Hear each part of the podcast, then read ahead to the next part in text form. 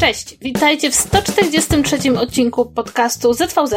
Ja się nazywam Kasia Czajka-Kominiarczuk, po drugiej stronie siedzi Paweł Opydo. Dzisiaj chcemy wam opowiedzieć Czekaj, o tym, dlaczego... czekaj.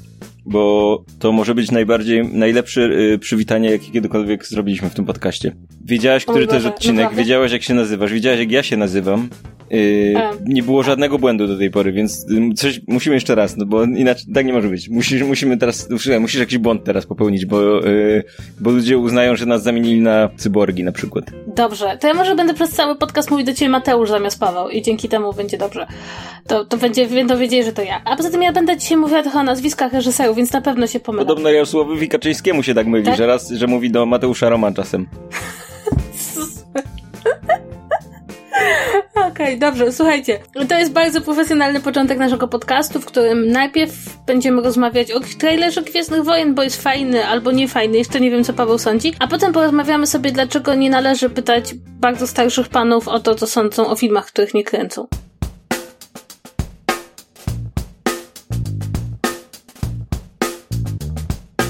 Dobrze, Pawle, to ty zacznij. Jak ci się podobał trailer nowych Gwiezdnych Wojen? Ja, jaki jest tytuł po polsku? Bo Skywalker powstaje chyba, czy coś? Nie, czy Skywalker Odrodzenie? Sky...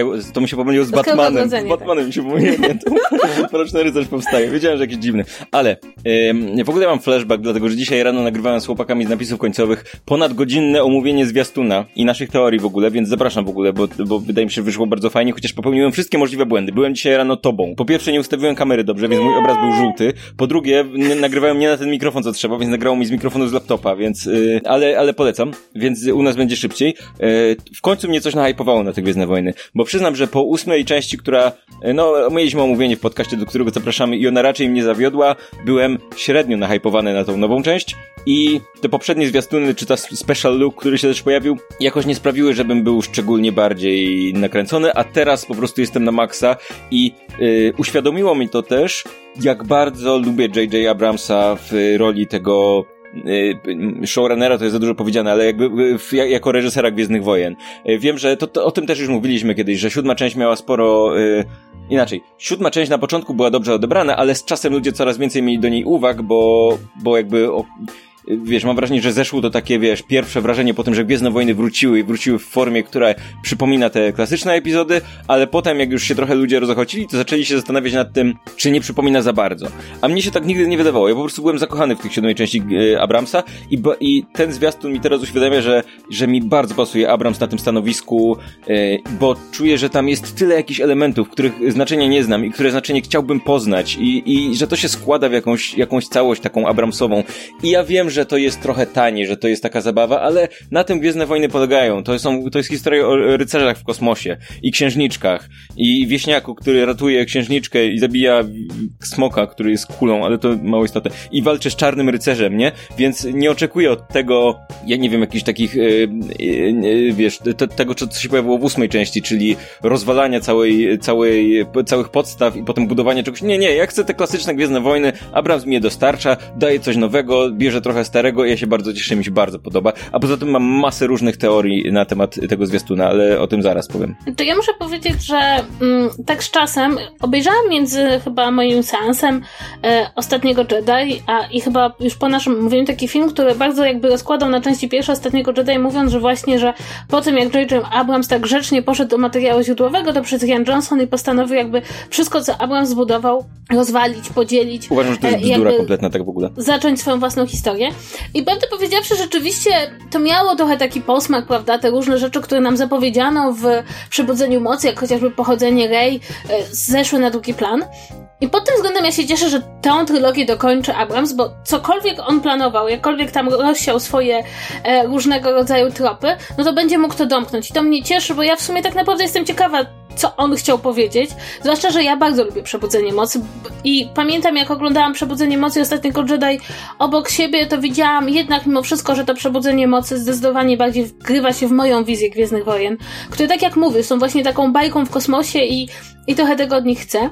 A co mi się naprawdę podoba w przypadku tego ostatniego filmu, to że, że dostajemy coraz więcej materiałów.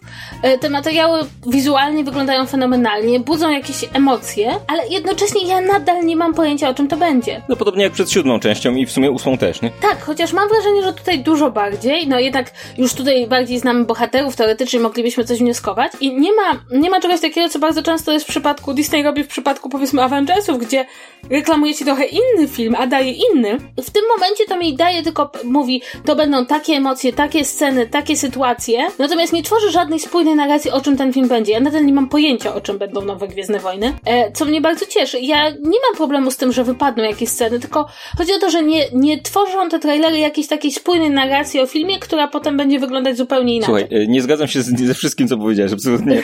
E, to znaczy, po, począwszy od tego, że w ogóle ja uważam, że to jest bullshit z tym, że Abrams wymyślił se scenariusz, a potem przed Ryan Johnson stwierdził, że robi inny film. No nie, no to, to jest Disney. Oni na początku, oni stuprocentowy mieli od początku do końca plan i zresztą było potem potwierdzone, że jak Abrams kręcił ten film, to Ray, to było wiadomo, że Ray, rodzice nie są nikim istotnym, a teraz są znowu przecieki, że w ostatniej części okaże się, jakby to będą trzymali się tego planu, ale okaże się, że ona ma znaczenie, którego nie wiem dokładnie o co chodzi, bo nie sprawdzałem tego przecieku dokładnie, nie wiem też, czy jest prawdziwy, ale tak czy siak, wydaje mi się, że tutaj yy, tu jest wyraźna różnica między tymi dwoma reżyserami, zdecydowanie. I J.J. Abrams zdecydowanie buduje film taki, e, w ten sposób, żeby każda scena cię hypowała przed e, każdą kolejną i tak dalej, i tak dalej. Ale wydaje mi się, że to było od początku planowane, że, że plan był taki, że wiesz, J.J. Abrams ci buduje, potem masz tą drugą część, która ci, która ci to, to co zbudowała, rozwala trochę. Kylo, Kylo Ren krzyczy teraz na mnie, stoi pod tym, w sensie mój kot, stoi pod, y, y, jak to się nazywa, y, do, czajnikiem do wody i miałcze, więc nie wiem, chyba się nie zgadza. Więc, wie, więc jakby ja nie przeceniałbym byłbym tej wagi wpływu reżysera na film, także to jest tak, że o, że Abrams sobie coś tam zaplanował, a Ryan Johnson przeszedł, przed mu i mu złośliwie po, pozmieniał klocki i tak dalej. Myślę, że to od początku był taki plan. Wprawdzie jasne, uważam, że wpływ reżysera był ogromny i sądzę, że przy, w przypadku drugiej części on wręcz trochę backfire'ował e, Disneyowi w twarz, dlatego oni po raz kolejny ściągnęli Abramsa do tego, żeby znów coś zbudował jakby bardziej klasycznie, ale też nie sądzę, żeby to było tak, że wiesz, że kto, ktoś komuś klocki zabierał, bo to w przypadku tak, tak dużego projektu wydaje mi się niemożliwe, to jest jedna rzecz. E, druga rzecz jest taka, że wydaje mi się, że tutaj, yy, znaczy inaczej, yy, jasne, zwiastun nie mówi dokładnie o czym będzie ten film, no ale tak naprawdę wiesz, dostajemy wprost informację, i to od dawna, od pierwszego zwiastuna, dostajemy sugestię, że Imperator wróci, a tu już dostajemy w zasadzie wprost, że Imperator wróci. I, a to wydaje się być czymś, co mogliby spokojnie ukryć do samego końca, nie? To znaczy, przepraszam, jakby ja ten śmiech Imperatora pod sam koniec um, raczej interpretuję to znaczy, bo dla mnie to nie jest to, że to będzie realnie imperator, który wróci. Jakby ja to raczej interpretuję, że prawda, że to wszystko, co się dzieje i to, jak się dzieje i to, że ten Snook, on się Snook nazywał? Snook? Nie okazał się tym głównym złolem, jakby, że to była część jakiegoś planu. Natomiast ja nie spodziewam się, że przyjdzie ten sam imperator, który był w poprzednim No ale to już wiadomo, że przyjdzie. Ian McDermott jest y, zaangażowany i gra w y, tym filmie i pojawia się w tym zwiastunie przecież pod koniec nawet. Y, że jest oczywiście kilka opcji, no bo to może być duch imperator, duch mocy czy coś takiego. Na pewno się pojawi imperator jako postać. To, to jakby wiemy, nie? Y, ja uważam, że, y, że będzie tutaj miało coś do, do czynienia. Zresztą mówię, to z chłopakami omawialiśmy dzisiaj, też nie chcę w to głęboko wchodzić. Wydaje mi się, że bo pamiętasz, że jakby całym, całym planem Imperatora od samego początku było pokonanie śmierci, więc myślę, że żeby wątek Imperatora w pełni domknąć, to on musi tę śmierć pokonać, tak jak było pomówione w, w prequelach, tak? I wydaje mi się, że e, dla mnie najbardziej taką, e, najbardziej e, prawdopodobną wersją będzie jakiś rodzaj, nie wiem, opętania jakiejś innej postaci.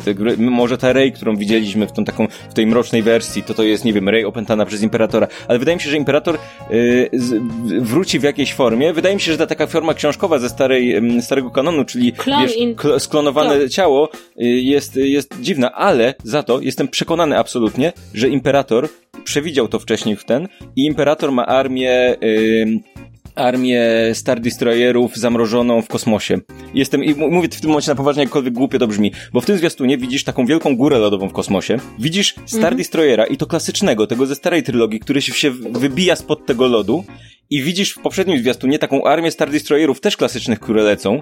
I wydaje mi się, że on ma gdzieś ukrytą po prostu armię, w kurwa, nie wiem, w centrum galaktyki, w jakiś zamrożoną, w coś, jakiś taki, wiesz, że, że to był jakiś tam plan od początku tego powrotu Imperium, bo masz tą, tą wiesz, ma, wiemy, że, ym, że First Order miał zupełnie inne statki i nagle masz tą taką ogromną, to w pierwszym było widać, tą taką, wiesz, ogromne latające nad tym tym, teraz masz ten lód cały, który jest, te statki wybijające się i dodatkowo, co zauważyłem w jednej scenie, te statki, te, te Star Destroyery nowe, znaczy nowe, stare Star Destroyery, które się nie wiadomo skąd pojawiły, wyskoczyły z jakiegoś lodu, mają pod spodem zainstalowane takie ogromne działa, takie wiesz, wielkości całego tego Star Destroyera na, na spodzie, więc mnie się wydaje, że oni też wrócą do, do motywu z, z, z starego kanonu, czyli jakiejś zmniejszonej wersji tej technologii z Gwiazdy Śmierci, więc będziesz miała, wiesz, Star Destroyery, które i, i, i wydaje mi się, że to, to sugeruje taką ostateczną bitwę, gdzie tam masz te, też te takie ujęcie, gdzie się pojawia cała masa statków e, e, tego, jak to się nazywa Rebelia teraz, tylko ciągle zapominam.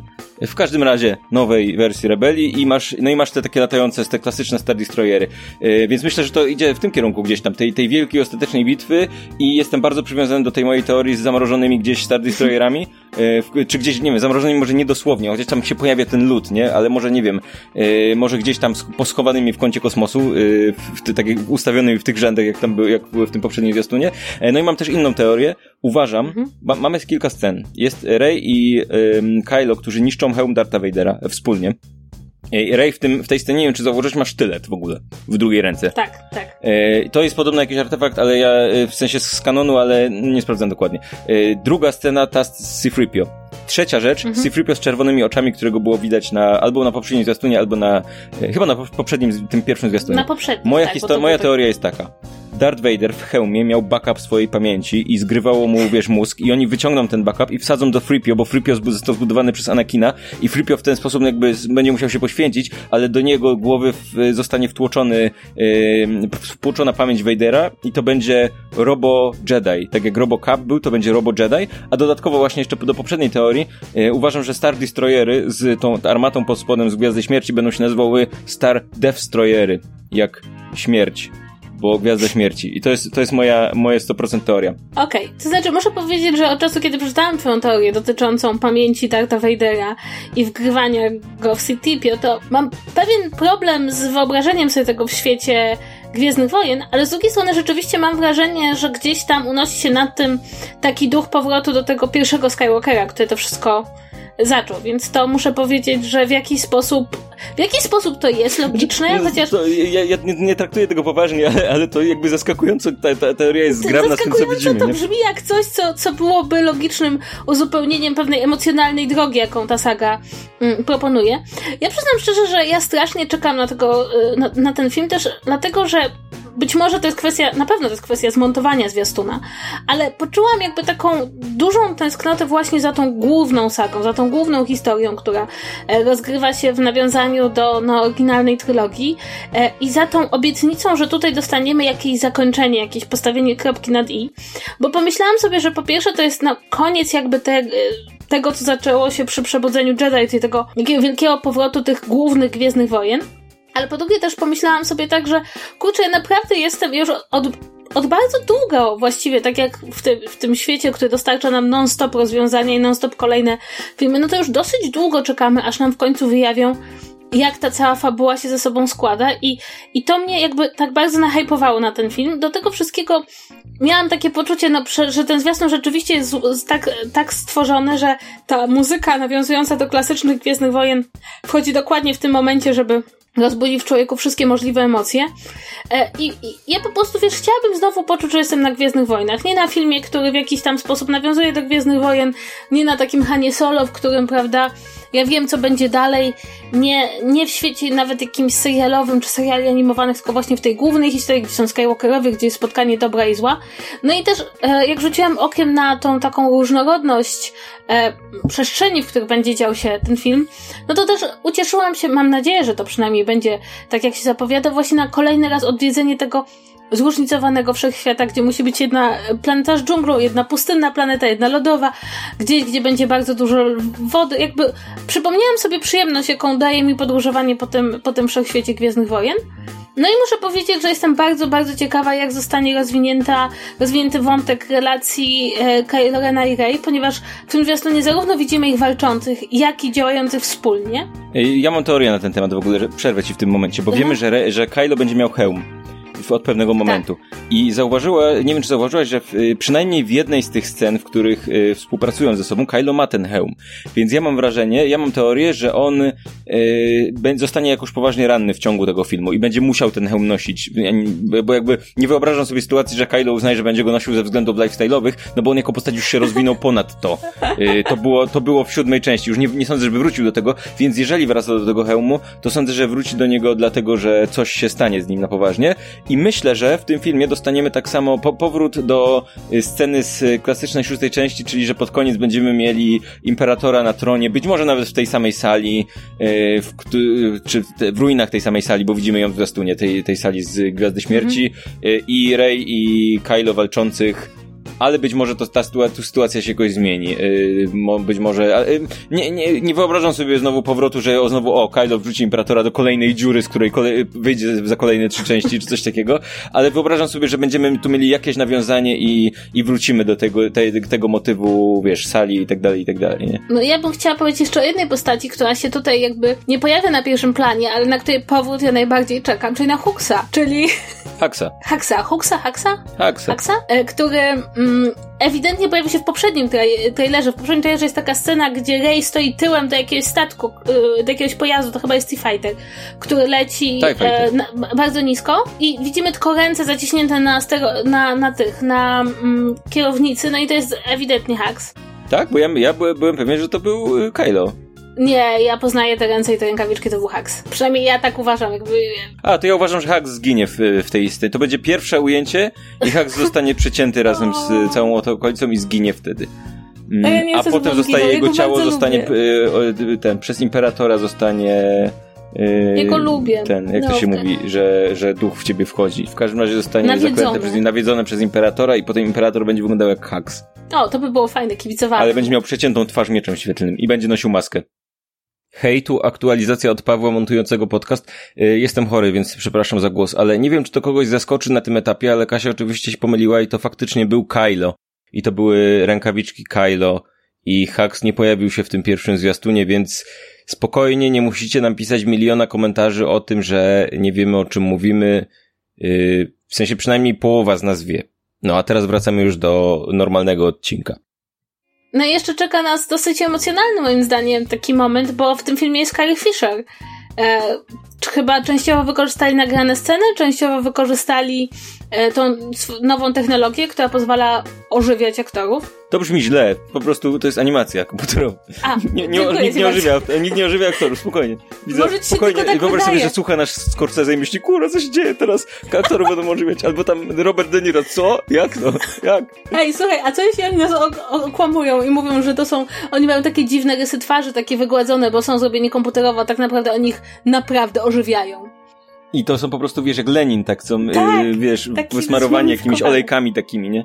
No, w każdym razie ja myślę, że ten moment, kiedy Carrie Fisher e, pojawi się, czy Księżyczka Leia właściwie, pojawi się w filmie, będzie jednak w jakiś sposób emocjonalny. Przynajmniej ja już tak czuję, jak oglądam zwiastuny, że, że to może być jednak dla mnie emocjonalne, jako wielbicielki zarówno aktorki, jak i jej postaci w filmie. Więc, więc kurczę, ale tak bardzo często jest tak, że wychodzą kolejne trailery, kolejne zapowiedzi i mam tak, że z każdą kolejną zapowiedzią mam coraz mniejszy hype. Tak miałam w przypadku Avengersów jakby takie poczucie, że już coraz, coraz więcej wiem i tak mi się coraz bardziej składa. A to ciekawe, bo ten film, bo ten film w sumie bardzo niewiele y, zdradzał też Avengers, nie? Tak, Endgame a tutaj, a tutaj mam takie, kurcze, zabierzcie mnie już w kosmos. Zresztą chciałam powiedzieć, że już kupiłam bilety dzisiaj, więc... No, jak my wszyscy, so say jak we all. Wszyscy, słuchaj, powiedz mi jeszcze tak na końcu na szybko, bo już 20 minut omawiamy jeden trailer, więc część popkulturową, tą taką zwyczajną zrobimy sobie w przyszłym mhm. odcinku, ale powiedz mi, czego byś oczekiwała po tych Gwiezdnych Wojnach, w sensie nie po tym filmie, tylko kończy się film i co dalej? Jakby z czym chciałabyś, żeby on nas zostawił? E, po, po, powiem ci inaczej. Ja najpierw odpowiem na swoje własne mhm. pytanie, bo mam odpowiedź rozkminioną, żeby wiedziała o co mi chodzi. E, chciałbym trochę nowego status quo w Gwiezdnych Wojnach. Dlatego, że Gwiezdne Wojny zawsze, i to od The Old Republic, kręcą się, kręcą się wokół tego, że mamy gru, z, grupę złych, grupę dobrych i te grupy ze sobą walczą i są raz czasem większe, czasem mniejsze, bo czasem są to Jedi i dwóch Sithów, a czasem to jest Imperium Sith i i tam Republika, a czasem to jest y, Imperium i, i Rebelia i tak dalej, ale zawsze, zawsze są te dwie grupy, które są w centrum. Y, ja bym oczekiwał, y, i jest ten taki bardzo wyraźny podział na czarnych, białych, y, zwłaszcza w kwestii mocy. Ja bym oczekiwał, że może coś nowego dostaniemy i może faktycznie prawdziwą jest ta doskonała teoria, że Skywalker w tytule to nie jest nazwisko, tylko to jest nazwa nowego zakonu, który powstanie, a który będzie gdzieś tam balansował pomiędzy ciemną a jasną stroną i będzie, i będzie w tej równowadze jakoś tam istniał. I I mnie się ta teoria bardzo podoba i wydaje mi się, że ona jest bardziej prawdopodobna niż to, że nagle Luke wróci żywy albo coś takiego. I, i więc oczekiwałbym od tego, że y, ten film na koniec zamknie wszystkie wątki z, z tej klasy, z tej, z tej sagi tak naprawdę, żeby ona była już kompletnie domknięta, żeby wszystkie postaci dostały wszystkie zamknięcia wszystkich wątków i żeby nas zostawił ze światem, który potem kolejne filmy będą mogły, mogły eksplorować i który będzie trochę ciekawszy niż to, jak przez lata wyglądał świat Gwiezdnych Wojen, czyli ci biali, ci czarni i, i walka między nimi. No, tego oczekuję jakby po, po, tym, po tym jak, ta, jak ta cała saga się skończy, że zostawi nas z ciekawym światem do dalszego eksplorowania, ale trochę odmienionym w stosunku do tego, w którym miejscu zaczęliśmy. O. Znaczy, ja powiem szczerze, że dla mnie najlepsze zakończenie byłoby takie, które by nam jakby uświadamiało, że obejrzeliśmy tylko kawałek kawałka, kawałeczka wielkiej historii i że tak naprawdę jasne ci Skywalkerowie i ci Jedi i ci Sithowie stanowili jakby centrum naszego świata, ale tak naprawdę, że to nie jest że, że to nie jest wszystko, co się dzieje w tej galaktyce. E, I to jest dla mnie jakby, tak jak nawet te ostatnie filmy, które sugerowały, że ta nowa rebelia jest taka malutka, że, że ten First Order zajmuje tylko część galaktyki i tak się powoli tam z boków tam wgryza, to one już sugerowały, że tak naprawdę historie, które możemy opowiedzieć w tym świecie są dużo, dużo, dużo większe, szersze.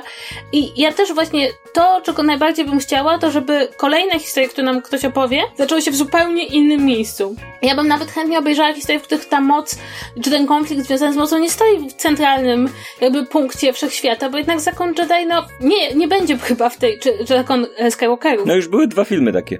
Ale wiesz co, nie, dlatego że zobacz, moim największym problemem na przykład z Hanem Solo, dwa filmy, jakie dwa filmy? Han Solo i Rogue One przecież, oba były, w obu e, moc nie była w centrum, nie? Tak, ale Han Solo, jakby pod sam koniec, to co mi strasznie przeszkadzało, już sam koniec wiązał się z rebelią, no Rogue One był uzupełnieniem... Tylko to ci przeszkadzało? Nie, to przeszkadzało mi milion rzeczy, ale w tym takim... No, no ale to jest, to jest wiesz, to jest film, który ci, który jednak mimo wszystko no nie kręci się wokół mocy, a Rogue One to już w ogóle, tam, tam coś może moc jest wspomniania, wspomniana raz jakiś czas, ale kręci się wokół tego konfliktu cały wokół czas. Wokół tego nie? konfliktu rebelii i imperium. No ja bym chciała inny wycinek tego wszechświata, w którym są inne konflikty. No dla mnie, dla mnie ja to powtarzałem wiele razy, najciekawszy świat Gwiezdnych Wojen to jest ten przed pierwszym epizodem i to tak jeszcze sporo, sporo.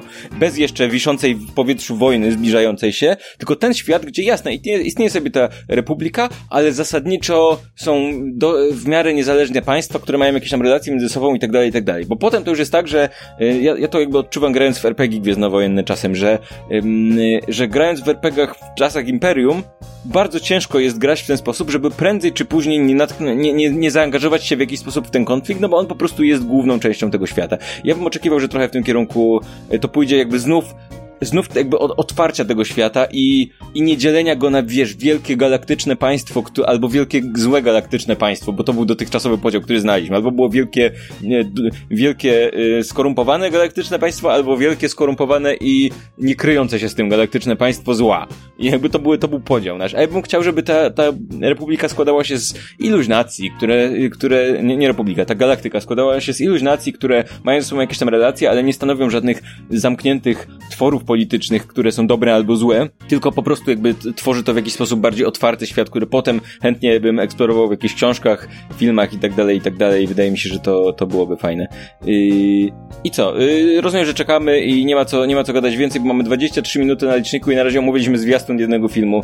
Y, mamy bilety, więc pewnie, pewnie film też omówimy. On będzie wychodził jakoś w okolicach grudnia, więc pewnie jak nam się skończy sezon i pewnie zrobimy specjalny odcinek z omówieniem, ale no czekamy. Jak, jak naj, najwyraźniej myślę, że, że się zorientowaliście już, że czekamy na Gwiezdne Wojny i, i będziemy się dobrze bawić. Mam nadzieję, że będziemy się dobrze bawić. Ja wierzę, że J.J. że J.J. Abrams dostarczy. Z Ryanem Johnsonem tak średnio, ale mi się, mi się dogadywało w, te, w, tych, w przypadku Gwiezdnych Wojen, ale, ale jakby w, J, w JJ wierzę, że, że dostarczy dobry film i bardzo mnie to cieszy.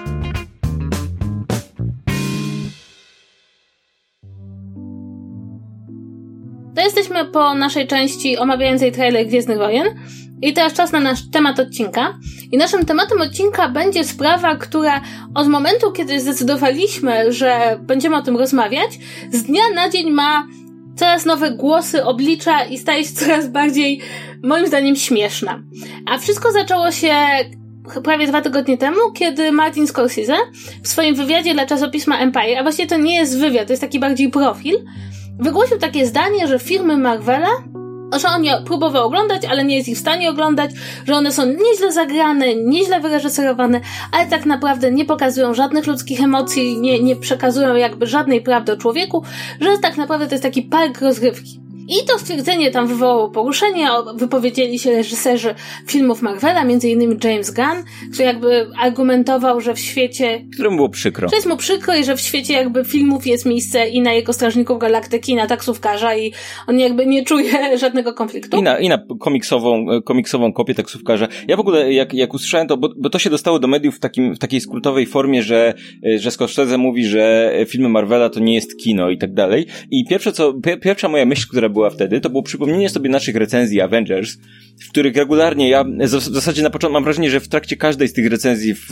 podcaście mówię zdanie w rodzaju tego, że ciężko ten film oceniać jak film, bo to trochę nie jest kino, tak? Bo jak idziemy na Endgame do kina, to nie, nie oczekujemy, że ten film będzie miał taką kompetentną strukturę filmu, bo Marvel Cinematic Universe już jest na tym etapie, że nie musi mieć takiej y, struktury, a wręcz ta struktura by zaczęła mu przeszkadzać. Nie wiem, czy pamiętasz, jak, wiesz, wyszedł Doctor Strange i głównie ludzie narzekali na to, że kurczę, no okej, okay, oglądamy już Marvel Cinematic Universe od jakiegoś czasu i teraz dostaliśmy film, który ma konstrukcję filmu i jest, wiesz, origin story.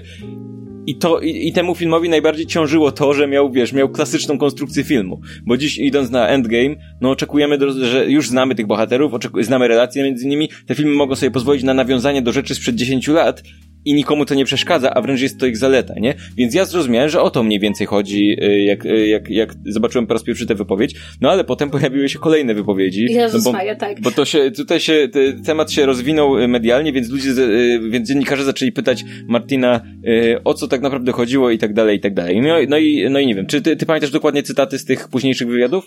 Znaczy, Później e, Martin już popłynął, ponieważ ja tylko zaznaczę, że ja na początku byłam gotowa się z nim zgodzić. Tak, tak, no ja jakby e, rozumiałem to w ten sposób, jak mówię i też wydawało mi się, okej, okay, pewnie chłop ma to na myśli i tyle, nie? Ja byłam się w stanie zgodzić, że McDonald's nie jest tym samym co restauracja Michelin, ale jedno i drugie oferuje jedzenie, które jest od siebie różne i że twórca ma prawo w różny sposób definiować kino na swoją potrzebę. Ale potem Scorsese udzielił kolejnego wywiadu, w którym z kolei właściwie no już powiedział, że to nie są filmy, ale też, że one y, szkodzą całej kinematografii, że y, jego głównym zarzutem było to, że kiedy chcesz iść do kina, no to właściwie nie masz wyboru i musisz iść na ten film super bohaterski. Musisz iść na Avengers, już cały rok grają. I to jakby kina. ten młody widz się wychowuje na tych, e, na tych filmach, no i że one są bardzo porządnie zrobione, ale właściwie z takiego punktu widzenia kinematograficznego, no to nic nie wnoszą do tego, czym ma być kino, czyli taką opowieścią o ludzkich emocjach i jakby pokazaniem pewnego wycinka ludzkiej egzystencji, w której możemy się odnaleźć. Znaczy przede wszystkim według, y, najbardziej istotne dla mnie jest to, że on powiedział, y, on tam, on to odniósł jakby do swojej własnej pracy. I on powiedział to coś takiego, że, no, że y, jakby z jego wypowiedzi można by wnioskować, że on uważa, że on nie dostaje pieniędzy na swój film, a przypominam, nagrał film gangsterski za 150 milionów dolarów dla Netflixa. I on zachowuje się w ten sposób, jakby uważał, że on tam powiedział coś takiego, że wiesz, że to jest ofensywa filmów Marvela, że, czy, czy te, filmów komiksowych, że ich jest w ogóle tyle w kinie, że one zajmują całe miejsce w tych kinach i że ten jego film nie mógł powstać, nie mógł trafić do kin normalnie, dlatego że całe miejsce było zajęte przez te Marvele, które mu zabrały to miejsce i nikt nie mu nie chce dawać pieniędzy, nie? I zresztą tutaj, tutaj chciałbym trochę też nawiązać szerzej do różnych tematów, bo potem się powiedział też, yy, wypowiedział też Robert De Niro na ten temat, potem Coppola się wypowiedział. O, Coppola więc, to popłynął. No. Więc ja, ja bym chciał tak bardziej ogólnie jakby poruszyć ten temat, dlatego że trafiłem też ostatnio na tweeta u, u sfilmowanych na Twitterze, gdzie, którzy pisali, nie, nie wiem kto, kto z nich pisał, ale, ale było tam coś takiego, że wydaje mi się, że to ładnie pasuje do tematu, że fajnie, że Joker zarabia, bo być może dzięki temu Warner Bros. Y, w tej dywizji swojej komikso w komiksowej części zacznie realizować więcej nietypowych projektów z mniejszymi budżetami i będą fajniejsze filmy, nie? I to troszkę mi się też, y, to, to wydaje się wypowiedź na kompletnie inny temat, bo tu nagle Joker jest, ale wydaje mi się, że też jest, ja, ja się nie zgadzam z tym tweetem po pierwsze i wydaje mi się, że on jest elementem tego samego myślenia takiego, które zakłada, że że nie wiem, na przykład jak film ma, kosztuje 50 milionów dolarów, a nie 200, to jest w jakiś sposób lepszy yy, z automatu, nie? Yy, I, i, i okej, okay, zacznę od jednej takiej istotnej rzeczy. Jeżeli bo, bo tutaj też pojawił się taki wątek, że filmy Marvela zabierają pieniądze w budżecie na, na realizację innych filmów, że filmy inne, ciekawsze być może, nie powstają, dlatego że te filmy Marvela tak dużo kosztują. Yy, więc kilka rzeczy które chciałbym powiedzieć. Po pierwsze, filmy Marvela zarabiają pieniądze dla studia, które y, je tworzy. Więc jeżeli wydajesz 200 milionów na film Marvela i ten film zarabia miliard 200 milionów, to nie masz mniej pieniędzy, tylko więcej.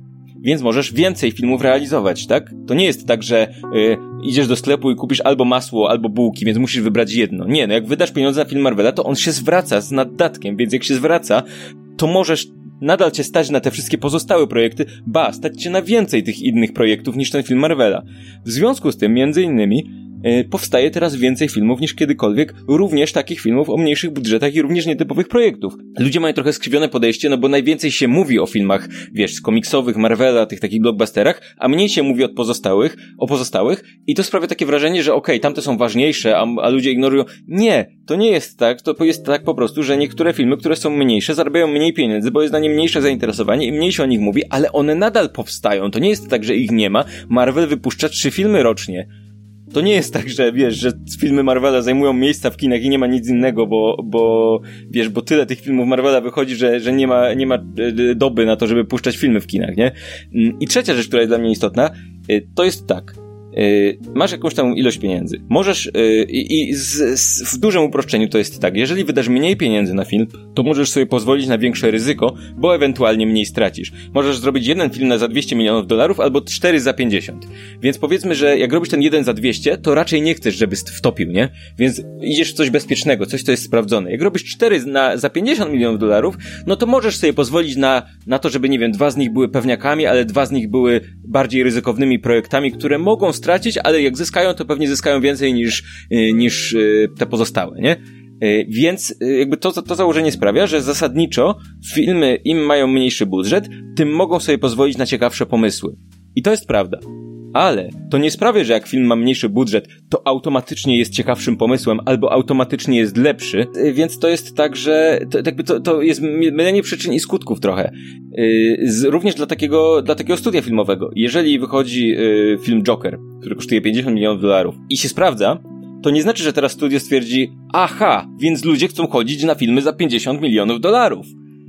I więc róbmy różne filmy za 50 milionów. Nie. Studio może wyciągnąć z tego yy, wniosek taki, że być może istnieje grupa odbiorców, która jest zainteresowana yy, mniejszym, bardziej zaangażowanym yy, kinem na bazie komiksów na przykład takim jak Joker, ale to nie, nie wyciągniesz tego wniosku, że wiesz, aha, czyli ludzie chcą oglądać filmy w określonym budżecie, bo ludzie chcą oglądać po prostu dobre filmy albo ciekawe filmy, a być może Joker to jest, wiesz, jednorazowy strzał, na przykład przykładowo ten Joker, albo Deadpool, nie? Po Deadpoolu było to samo, wszyscy rzucili się na to, żeby realizować filmy z Erką, bo Deadpool według studiów udowodnił, że jest zapotrzebowanie na filmy z Erką. Nie jest tak, że ludzie rzucili się na realizowanie filmów za 50 milionów dolarów, bo ludzie, bo, bo doszli do wniosku, że widzowie chcą filmów za 50 milionów dolarów, nie? Mam nadzieję, że, wiesz, rzuciłem dużo rzeczy naraz, i mam wrażenie, że mogłem trochę skomplikować, ale wiesz, chodzi mi po prostu o to, że rynek działa tak jak działa i to nie jest tak, że jedni drugim zabierają, albo że budżet dany, albo dany gatunek sprawia, że film jest jakiś, albo nie jakiś i tak dalej, i tak dalej. Dobra, te y, kilka rzeczy chciałabym tutaj dodać o ciebie. Ja się z tobą ogólnie rzecz biorąc zgadzam, to raczej nie jest zdziwienie. Po pierwsze, y, Zwróćmy uwagę, że Disney od czasu, kiedy jakby zaczął działać Marvel, wypuścił na rynek kilka filmów, które nie były filmami Marvelowymi, miały wysokie budżety, tak jak filmy Marvela, i one wszystkie okazywały się klapami. Jeździć znikąd, Pułapka Czasu, Tomorrowland. Jeśli Marvel miałby komukolwiek zabierać pieniądze z rynku, czy jeśli jakiekolwiek pieniądze miałyby być zostać zainwestowane gdzie indziej, to nie zostaną przesunięte z amerykańskiego kina niezależnego, ani z nowego filmu gangsterskiego Kopoli, tylko zostaną przesunięte z tych nieudanych i o, te wszystkie trzy produkcje są nieudane zarówno pod względem przychodów finansowych, jak i pod względem artystycznym. Yy, I tylko właśnie z, tych, z tego rodzaju kina. I to jest kwestia taka, no fajnie, te filmy nie były Marvelem, tylko że nikt nie chciał ich oglądać, ale nie chcieli ich ludzie oglądać, dlatego że o mój Boże, wszyscy chcą kina superbohaterskiego, tylko po prostu Disney nie miał kompletnie żadnego pomysłu na te filmy. E, kolejna sprawa jest też taka, że powinniśmy odróżnić dwie rzeczy. Disney od Marvel. Disney jest obecnie rzeczywiście niesamowicie wielką siłą, e, jeśli chodzi o kulturę i rozrywkę i w ogóle kinematografię popularną. No stało się tak dlatego, że ma te swoje, ma Gwiezdne Wojny, ma Marvela, ma klasyczne animacje. Ja się mogę zgodzić z krytyką Disneya jako olbrzymiej korporacji, która przejmuje coraz większe kawałki e, świata filmowego. Ale to nie jest kwestia superbohaterów, tylko to jest kwestia tego, że na rynku jest jeden olbrzymi gracz, który skupił prawa do rzeczy, które są bardzo popularne wśród ludzi. I jakby problemem jest Disney, ale nie Marvel. No i kolejna sprawa to ja mam wrażenie, że w ogóle te dyskusje odnośnie budżetów, my sobie chyba trochę nie zdajemy sprawy, jak bardzo ludzi nie, po pierwsze nie obchodzą budżety, a po drugie są nieświadomi tych budżetów. Ilość osób, które rozmawia o Jokerze na poziomie budżetu, yy, o Avengersach na poziomie budżetu. To my jesteśmy. Yy, to jest. Sfilmowani to, jest, to pięć. Yy, Łukasz. Łukasz. Siedem. Jakieś, jakieś, możemy tych ludzi zebrać w jednym, w jednym pokoju. Większość osób w ogóle nie orientuje się, jak wyglądają budżety, także nie do końca orientuje się, jak, e, jak działają przychody z box office'u i tego typu rzeczy. Ich to nie interesuje. Ich interesuje to, czy fajny film jest w kinie. No i jakby tutaj Ostatnia rzecz, która mnie osobiście strasznie denerwuje, bo musimy pamiętać, że mówimy, że Hollywood jest biznesem. To są przedsiębiorstwa. To się nazywa wytwórnia filmowa. My sobie lubimy powtarzać, że kinematografia to jest sztuka i to jest prawda. Ale duże hollywoodzkie wytwórnie są właściwie nie różnią się bardzo od żadnej innej dużej firmy. I duża firma funkcjonuje zawsze w ten sam sposób. Jeśli może zainwestować w coś, co jest bezpieczne, to w to zainwestuje, jeśli to się zwraca. I moim zdaniem, to co teraz widzimy w kinematografii, że te pieniądze nie są wydawane na ryzykowne projekty, tak jakby kiedykolwiek było mnóstwo pieniędzy wydawanych na ryzykowne projekty, wynika z prostego faktu. Jest po kryzysie finansowym 2007-2008 sytuacja finansowa nie jest na tyle stabilna, żeby wielkie korporacje, jakimi są chociażby Disney, inwestowały w rzeczy, które im się nie zwrócą. Wiesz co, to, ale to, to jest prosty model finansowy. Ja tak się, bo, bo nie, nie, chcę powiedzieć, że się z tobą nie zgadzam, ale dla mnie istotne jest to, jak, jaka jest tak naprawdę definicja ryzykownego projektu. Bo wiesz, gdybyś 10 lat temu powiedziała, że ktoś nakręci film science fiction na, pasie, na bazie niszowego komiksu o drzewie i szopie, gdzie wśród bohaterów, bohaterów jest drzewo i shop, no to, no to byś mu nie dała 200 milionów dolarów. Z drugiej strony, Joker nie jest czymś, co y, brzmi jak, y, to jasne, to jest zupełnie inny budżet, ale to nie jest coś, co brzmi jak nieryzykowny projekt.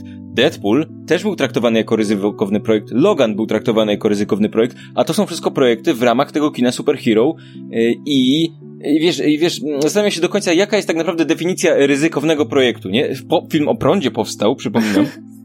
Znaczy, nie, ja ci powiem szczerze, tylko że jakby dla mnie kwestia ryzykownego projektu polega na tym, że jeśli wkładasz coś 100 albo 200 milionów dolarów, no to chcesz mieć raczej pewność, że to będzie miało swoją bazę. Ja przy czym, ja bardzo rozróżniam e, filmy superbohaterskie, bo dla mnie MCU jest pod względem funkcjonowania i finansowania czym innym niż powiedzmy Logan czy Deadpool. Bo dla, jakby dla mnie to są trochę inny sposób myślenia o filmach. Bo dla mnie MCU jest dużo bardziej spójną marką, która sama siebie napędza, które, w ramach której istnieje bardzo spójna polityka tego, jak te filmy się ze sobą łączą, jak są sprzedawane.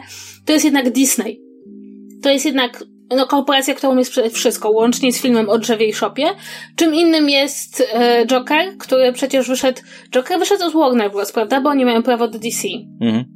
No i więc Warner Bros. to w ogóle jest firmą, która inwestuje dzikie miliony w filmy, które im się w ostatnich miesiącach jakoś nie za bardzo zwracały i oni mieli duże problemy.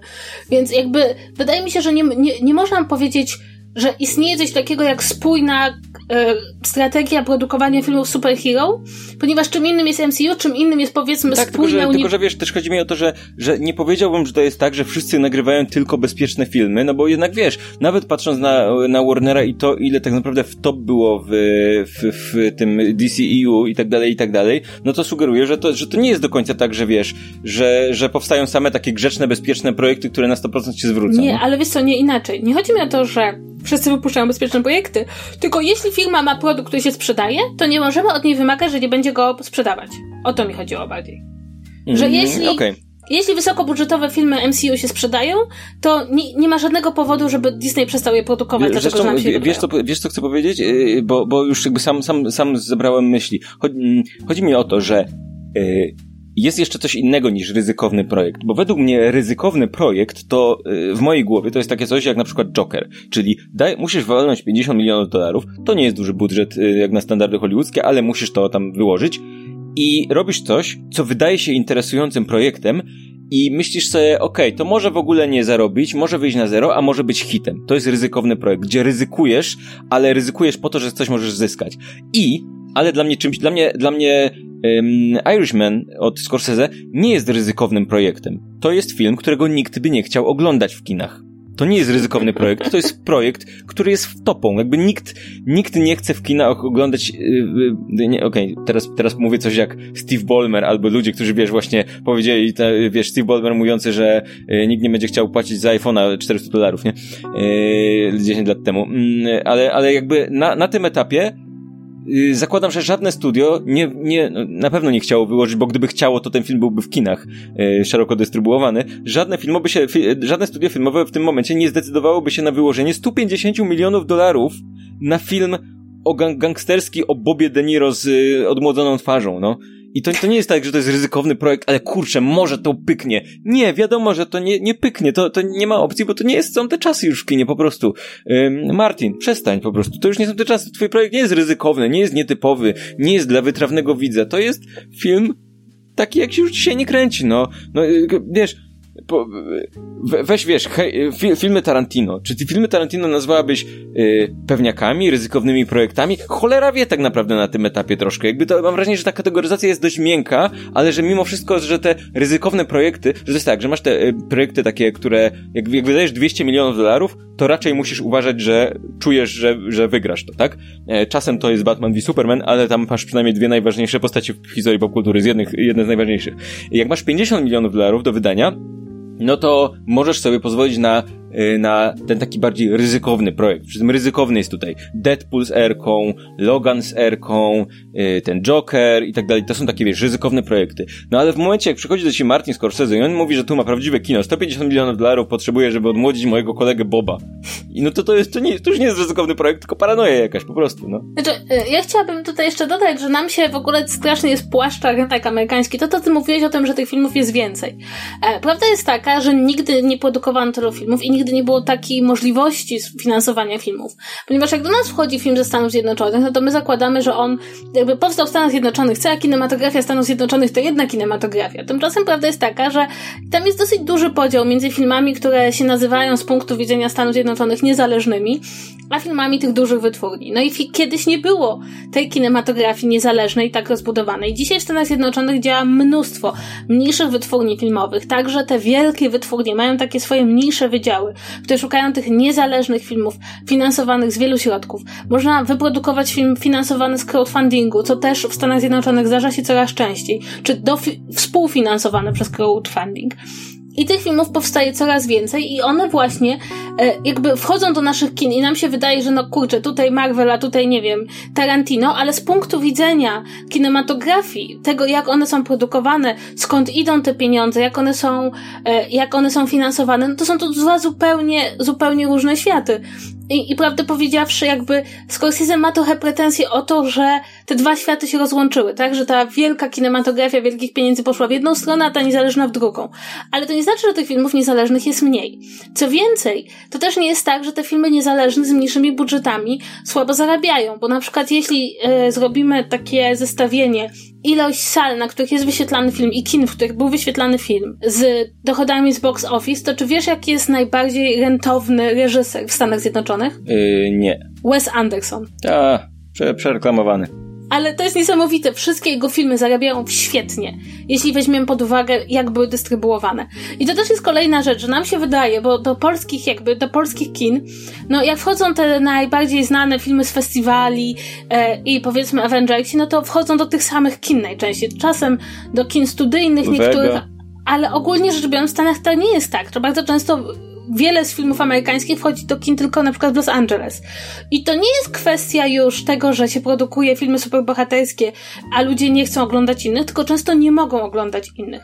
Ale to z kolei nie jest wina Disneya koniecznie, tylko też sieci kin, które na przykład nie chcą wyświetlać filmów z erką to musisz ty powiedzieć, bo ja nie wymawiam tej litery. Więc jakby to jest troszeczkę bardziej skomplikowane niż to, że są dobre filmy Martina Scorsese, których nikt nie chce oglądać, bo wszyscy poszli na Avengersów. E, tak, ale to wiesz, poza tym e, druga rzecz, która mnie zastanawia, to jest to, że Martin Scorsese mówi coś takiego, że znaczy, z jego tonu, z tonu jego wypowiedzi można, wynik, można wnioskować dość wprost. To nie, to, to nie jest tak, że to ja, nie wiem, jakoś, jakoś jestem w stanie tutaj re, przeinterpretować czy coś takiego. Z, z tonu jego wypowiedzi wynika, że on traktuje to, że jest na Netflixie jego film trochę jak porażkę, tak? Że no on musi się zniżać do tego, żeby jego film był w jakimś tam internecie, w zamian za to, że, bo, bo dlatego, że no są te Marvele wszystkie, a on to film nakręcił, nie? I, i, i tam oczywiście tam miał jakąś ograniczoną dystrybucję i tam z tego co pamiętam to był taki w ogóle wątek też w tej rozmowie, że, że no Marvel, znaczy Netflix mu powiedział tak, tak, że będzie w paru tam kinach, więc no mógł sobie pójść do w kinie obejrzeć, no ale, ale jakby wiesz, jak tak, jak, jak się patrzę na to z boku, wiem, że to brzmi jak uproszczenie, ale trochę trudno to odczytywać inaczej niż, no jest starszy pan reżyser, który kręcił kiedyś filmy, miał czerwony dywan i było miło, a teraz e, chodzi z tym filmem i nikt, wszyscy mówią mu, że mu nie dadzą pieniędzy i w końcu mówi mu jakiś Netflix i tam ludzie to będą w domu oglądać, na, jak gdyby na kasetę wideo kręcił i w trzech kinach mu puścili, ale to tylko tak dla uprzejmościowo, a on co, co, co, co miesiąc czy trzy miesiące wisi, widzi reklamę jakichś filmów superbohaterskich, widząc, że zarabiają 2 miliony, 2 miliardy dolarów. Mm, no więc on trochę jakby, to, to, wydaje się takie szukanie kozła ofiarnego. No dlaczego mój film nie był w kinach, dlaczego Netflix? I to z jednej strony jest to tak, że wiesz, ja bym szukał samych pozytywnych rzeczy w czymś takim jak Netflix, bo powiedzmy sobie szczerze, ten film Martina Scorsese, by nie, gdyby nie Netflix, gdyby nie streaming, to nikt by za dla niego pieniędzy, na niego pieniędzy nie dał w tej formie. Ten film by w ogóle nie powstał, gdyby nie, nie, nie, nie streaming. I jasne, Netflix trochę w tym momencie idzie na ilość. Jak jakby, jak widzę ile, ile jest premier filmowych, y, produkcji oryginalnych Netflixa, o których w ogóle nie wiedziałem, że powstają, a tam, wiesz, rozmawialiśmy o tym niedawno przy okazji Wiedźmina, wiesz, zawsze zatrudniają tego jednego y, rozpoznawalnego aktora, ten film powstaje, dowiadujesz się o nim na etapie, jak już jest, wiesz, jak już wychodzi, nie? Bo zawsze jest ten jeden, zawsze oni mają taki patent, że zatrudniają jedną rozpoznawalną, rozpoznawalnego aktora z takiej średniej półki i, i potem jakby walą jego twarzą wszędzie, więc wydaje się, że film poważny, ale z drugiej strony można powiedzieć, że idą na ilość, ale z drugiej strony prawdopodobnie prawdopodobnie powstają wtedy masowo filmy, które, które być może mają jakiś pomysł na siebie i normalnie pewnie by nie, nie, nie miały tyle kasy, żeby wiesz, powstać, trafić do kin czy cokolwiek takiego. Więc być może streaming jest właśnie y, jeszcze rozszerzeniem możliwości kreatywnych reżyserów i być może właśnie streaming będzie teraz tym, być może będzie właśnie to kino, kino się podzieli w ten sposób, że wiesz, że te największe produkcje, te takie wiesz, super blockbustery zarabiające miliardy dolarów, y, jeden, dwa miliardy i tak dalej, i tak dalej, y, kosztujące 200, 300 milionów dolarów będą trafiać trafiał, wiesz, do kin. IMAX 4X, D5 i jeszcze cię będą sypać piaskiem, jak, jak bohaterowie na pustynię trafią, y, a a znowu na stream, streaming da możliwość powstawania filmów yy, właśnie ciekawszych, które mniej kosztują i które yy, w, tym, w tym momencie nie muszą się przejmować dystrybucją, yy, marketingiem jakimś takim outdoorowym, bo i tak są w internecie i tak dalej, i tak dalej. I ja bym widział właśnie to jako pozytywne zjawisko, które pozwala na więcej i które pozwali, pozwoliło również teraz Martinowi Scorsese wypuścić ten film za to cholerne 150 milionów dolarów, żeby Bob, jego kolega, mógł młody popatrzeć na siebie i powiedzieć, kurczę, młody, i znowu młody jestem. E, I ja uważam, że to jest super, a nie, że to jest coś, nad czym trzeba ubolewać, bo ktoś ci, ktoś ci zabrał, wiesz, krzesło w kinie, nie? To znaczy, ja mam y, pewną wątpliwość odnośnie tej utopijności tej wizji i to są dwie rzeczy. Jedna to jest taka, że ch chciałabym jednak, żeby doświadczenie kinowe nie zostało sprowadzone wyłącznie do oglądania Avengersów, to nawet mimo mojej miłości do Marvela uważam, że y, jednak to byłby problem, gdyby kino niezależne wyniosło się całkowicie do streamingu. I druga sprawa, i moim nie zdaniem... No, streamingu, mająca... i, streamingu i kin studyjnych, no. Ale tu jest, wchodzi druga sprawa, która moim zdaniem jest kluczowa, to znaczy gdzie Martin Scorsese powiedział te słowa. Oni to mówili we Francji. A Francja ma olbrzymią kosę z Netflixem, ponieważ prawda jest taka, że pokazy kinowe są opodatkowane. Opodatkowane i pieniądze z pokazów kinowych wracają do kinematografii krajowej. Czyli powiedzmy Irishman y, Scorsese jest pokazywany w kinach w Paryżu, jest od tego sprowadzany podatek, który potem inwestuje się w kinematografię krajową. I istnieje poważne zagrożenie, że gdy, a jeśli oglądasz to na Netflixie, to pieniądze z Netflixa idą do Netflixa.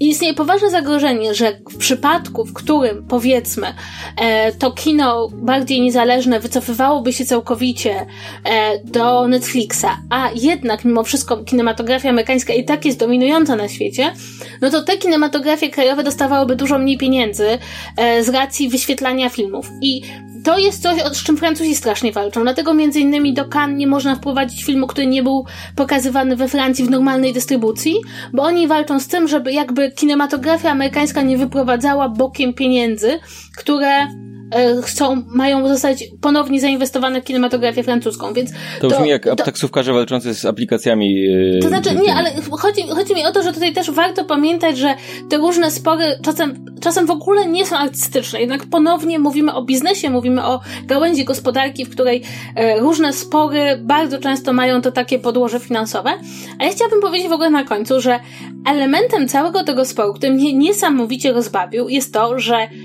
wczoraj bodajże, dziennikarze telewizji Sky zapytali o filmy Marvela i co o nich sądzi Kena Loacha. Czy ty kojarzysz Kena Loacha? Nie, brzmi jak nazwa kanapy z Ikei. Ken Loach jest brytyjskim reżyserem, który jest socjalistą, ale nie takim light lejtowym socjalistą, co to, nie wiem, pójdzie na demonstrację.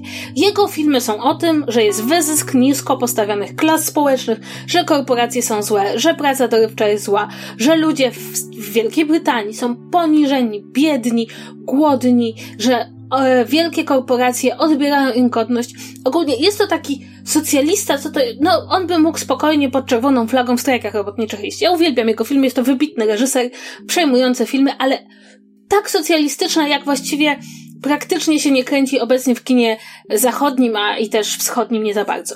I oni przychodzą do tego Kena Loacha, który właśnie stworzył film o tym, jak niedobra jest ta gig economy, czyli właśnie te, te, ten nowy sposób e, pracy. Stworzył o tym film. Jest to film bardzo zakorzeniony w problemach społeczeństwa i pytają go, co sądzi o filmach Marvela. I dla mnie to jest w ogóle jakaś paranoja, bo po pierwsze, ja nie wierzę, żeby filmy Marvela w jakikolwiek sposób obchodziły Kena. Jakby, jeśli istnieje kinematografia jak najdalsza od filmów Marvela, to jest to jego kino. A po drugie, masz reżysera socjalistę, który ewidentnie jest przeciwny właśnie takiemu dzikiemu, wielkiemu kapitalizmowi, wielkim korporacjom i pytasz go o produkt jednej z największych korporacji na świecie. I co on ci ma niby powiedzieć? Wiesz, jakby to jest idiotyczne. Jakby w całym, jakby ta nawarstwiający się temat tych filmów Marvela nagle sprawił, że każdy reżyser musi coś powiedzieć na ten temat. A przecież to nie jest tak, że my nie wiemy, że ci reżyserzy, niektórzy kina niszowego nie są bardzo wielbicielami tego kina. Nie jest dla nas zaskoczeniem, że mają różne spojrzenie na pewne kwestie ekonomiczne związane z kinematografią. Jakby to jest jakiś, jakby czuję idiotę sytuacji, gdzie każdy reżyser, i to ważne, żaden reżyser kina rozrywkowego, tylko każdy reżyser kina ambitnego musi się wypowiedzieć na temat filmów Marvela. No, to jest po prostu to jest po prostu tak nudne, tak głupie, tylko i wyłącznie służące temu, żeby, nie wiem, żeby ludzie się na siebie wzajemnie poobrażali w sieci. Wiesz co, ja mam, ja mam teorię na ten temat w ogóle. Bo wydaje mi się, i sądząc po, y, jakby wyciągam to z komentarzy w internecie, że to jest troszkę tak, że dla niektórych ludzi mówienie o tym, jak to filmy Marvela zabierają prawdziwe kino, pieniądze prawdziwemu kinu i tak dalej, i tak dalej, to nie jest kwestia, jakby nie ma znaczenia tego, czy faktycznie zabierają, czy to w ogóle możliwe, żeby zabierały, jak, czym, co oni mają w ogóle na myśli, mówiąc o prawdziwym kinie i tak dalej, i tak dalej. Sądzę, że dla wielu ludzi to jest tylko i wyłącznie dek deklaracja lifestyle'owa, przez którą oni chcą powiedzieć, wy to oglądacie tylko te Marvele, komiksiki, a my to takie prawdziwe, intelektualne filmy, jak Joker. Y, I, i myślę, że ta, ta, ta, te, wszystkie wypowiedzi to jest trochę okazja do ludzi, którzy piszą no, kiedyś to było porządne kino Scorsese, teraz to Joker się tylko ostał, bo to prawdziwy intelektualny film, który robi wiele nowych rzeczy w kinie, a tak to tylko tfu, te komiksy i tfu, Gwiezdne Wojny, efekty specjalne i Król Lew, nie? I myślę, że yy, myślę, że to jest taka postawa, która jest, a ta postawa sprawia, wiesz, to jest coś, co nakręca dyskusję w internecie, a w momencie, jak nakręca dyskusję w internecie, no to myślę, że teraz, wiesz, dziennikarze tego typu różnych portali newsowych to będą ka łapać każdego, kto im może zhejtować coś, co jest popularne, po to, żeby, wiesz, żeby... Żeby się nakręciło. Żeby się nakręciło, nie? No więc ja, ja, i wiecie co, mnie to też jakby troszeczkę denerwuje, dlatego że ja jestem na przykład, e, jestem pod takim wrażeniem, że nie ma tutaj za bardzo dyskusji, bo ja na przykład jestem w stanie dyskutować o tym, jak kino superbohaterskie zmieniło nie kino artystyczne, tylko kino rozrywkowe jak bardzo pewne gatunki, pewne style opowiadania stały się niemodne, jak pojawiły się pewne elementy homogeniczne, y, jak pewne film, jak, jakby jak próba nawet nie same filmy bohaterskie, jak próba podążania za nim sprawiła, że pojawia się bardzo dużo średnich produkcji. Ja nie uważam, żeby kino superbohaterskie było najlepszą rzeczą, jaka nas kiedykolwiek spotkała. Wszystkie filmy są super, nie wolno złego słowa powiedzieć. Nie, no ale to są, nie jest ta, wiadomo. ale to nie jest ta dyskusja.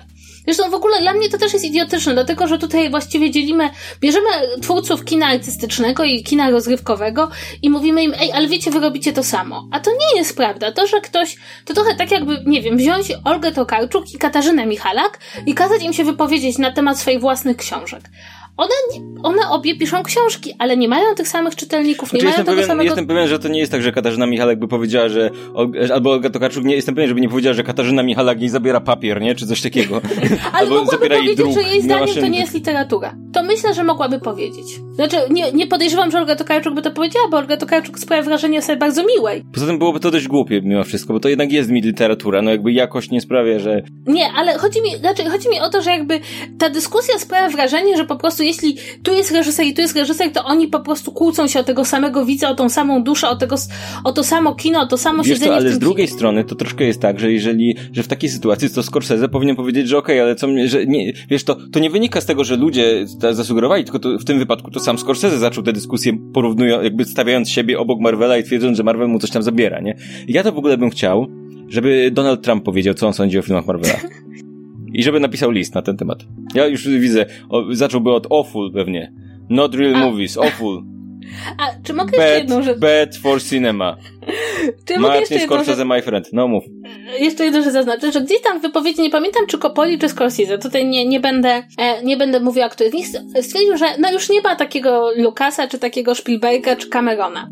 Co to masz z tym Spielbergiem? Czekaj, bo ja chcę wyjaśnić tą, y, tą zagadkę ludzkości. Regularnie ktoś pyta w komentarzach, dlaczego ty mówisz Spielberg zamiast Spielberg. Ja wiem, że to jest prawdopodobnie, znaczy, że to jest to nazwisko oryginalnie, no ale on jest Amerykaninem. Cały świat mówi Spielberg poza tobą.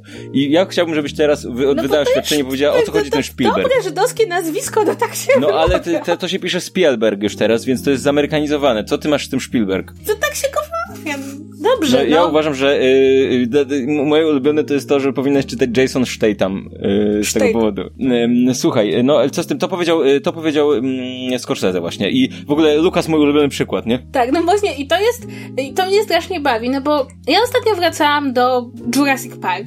No i naprawdę jakby, jeśli byśmy mieli znaleźć we współczesnej kinematografii poza Jurassic World coś, co pod wieloma względami jest podobne do Jurassic Park, to byłyby to filmy Marvela, czyli innymi słowy wysokobudżetowa rozrywkowa produkcja z przełamującymi jakieś granice efektami specjalnymi i niezbyt poruszającym przesłaniem e, oraz niezłą obsadą. Ej, nie uważam, złożoną... że przesłanie jest super Jurassic Park.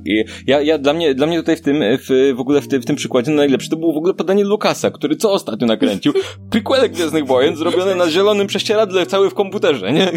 I to, to super, to jest to prawdziwe kino, nie? To nie ma problemu. To mój kolega. Mój kolega to już dobry, nie? I te, wcale tak. nie, wcale nie, wiesz, w CGI wszystko zrobione. Więc, tak, więc to już kompletnie nie, chodzi mi raczej o to, że no, kino rozrywkowe jest kinem rozrywkowym i to, że dla nich jakby Spielberg, tak? Spielberg, jest... co ty masz, co się dzieje? Co się z tobą dzieje? Bo pomyliłeś mnie już, nie wiem. No i pan od E.T., no to w niektórych elementach jest wizjonerem, ale w innych był po prostu bardzo sprawnym reżyserem kina rozrywkowego. No i jego Wojna Światów nie jest mniej rozrywkowa niż... A tu by się okazało, słuchaj, grzebiemy w archiwum jakimś i okazuje się, że Martin Scorsese jest dopytany raz na 5 lat i tutaj z lat 90. taki wywiad, wiesz, VHS i Martin Scorsese mówi, te dinozaury, zabrały mi wszystkie pieniądze. nie, nie mam ale, czy, ale to jest w ogóle też ciekawe. Kiedy myśmy znaleźli się w sytuacji, gdzie filmy o gangsterach nagle stały się tą, tym kin kinematografią dotykającą e, ludzkiego duszy i przeżycia. To znaczy, oczywiście, milczenie było bardzo dobrą refleksją nad naturą religii, e, ale chociażby no chłopcy z Ferajny to nie jest film, e, którym ja rozpoznaję moje bolączki egzystencji.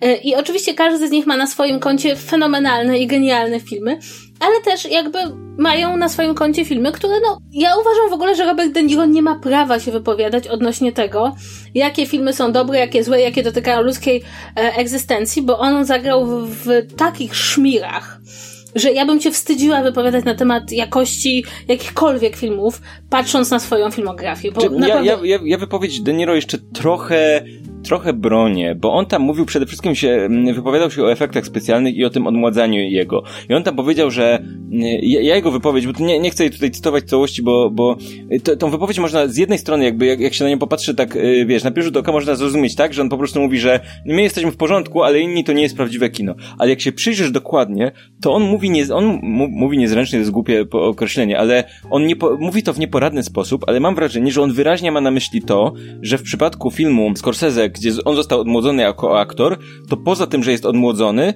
to nadal jest aktorem, jakby nic innego się, jakby cała reszta jego gry zostaje tak jak była, tylko po prostu działa to jak make-up, a w momencie, w którym na przykład zamiast być odmłodzony, to nie wiem, wcieliłby się w jakąś postać w CGI zrobioną, animowaną, to już, i on to nie mówi, że to jest, on nawet nie, nie, nie stwierdza, że to jest gorsze, tylko on mówi, że to jest już inny rodzaj rozrywki i że to jest coś bardziej zbliżonego do animacji. I ja tu rozumiem, że on dla niego, że on to po prostu wyjaśnia, że dla niego, wiesz, że dla niego takie odmładzenie aktorów jak w Irlandczyku to jest, to jest trochę jak make-up, a, a robienie, wiesz, ci szopa albo drzewa na bazie aktora z przylepionymi do głowy piłeczkami ping-pongowymi, to już jest trochę bardziej jak animacja komputerowa, a trochę mniej klasyczne aktorstwo.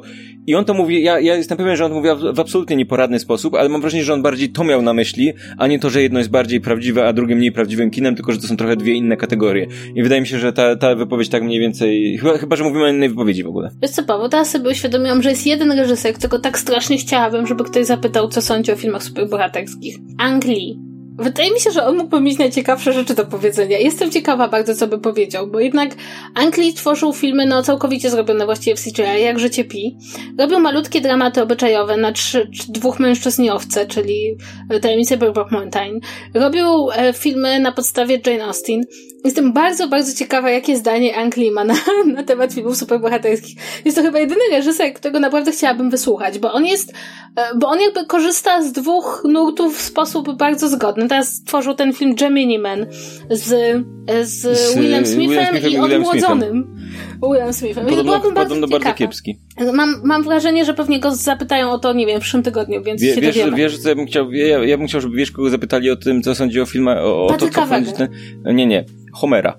Wilsona? Tylko nie żyje, nie, to jest problem. Nie, Homera po prostu. E, A, Homera! Tego oryginalnego Homera. E, no nie no, żyje. Bo on no, w sumie robił w superhero, Tak, nie? więc chciałbym, ja chciałbym, żeby wskrzesili Homera, albo żeby żył tak długo i żeby go pokazać, te, pokazać mu teraz, wiesz, Marvel Cinematic Universe i żeby on po, po, powiedział, co sądzi. Totalnie bym, ja, ja bym, a tak bardzo bym ciekaw był właśnie, wiesz, gdyby, oczywiście to mówię, to, to mówimy oczywiście czysto, czysto, czysto, czysto hipotetycznie i nie biorąc pod uwagę tego, że Homer przeniesiony we współczesność prawdopodobnie umarłby na zawał, wychodząc na ulicę albo coś takiego, ale, ale gdyby Homer żył do, teraz, to, to co by sądził o filmach superhero i to, i o tym, jak bardzo one bazują na, na archetypach, archetypach które, które on między innymi tworzył, nie?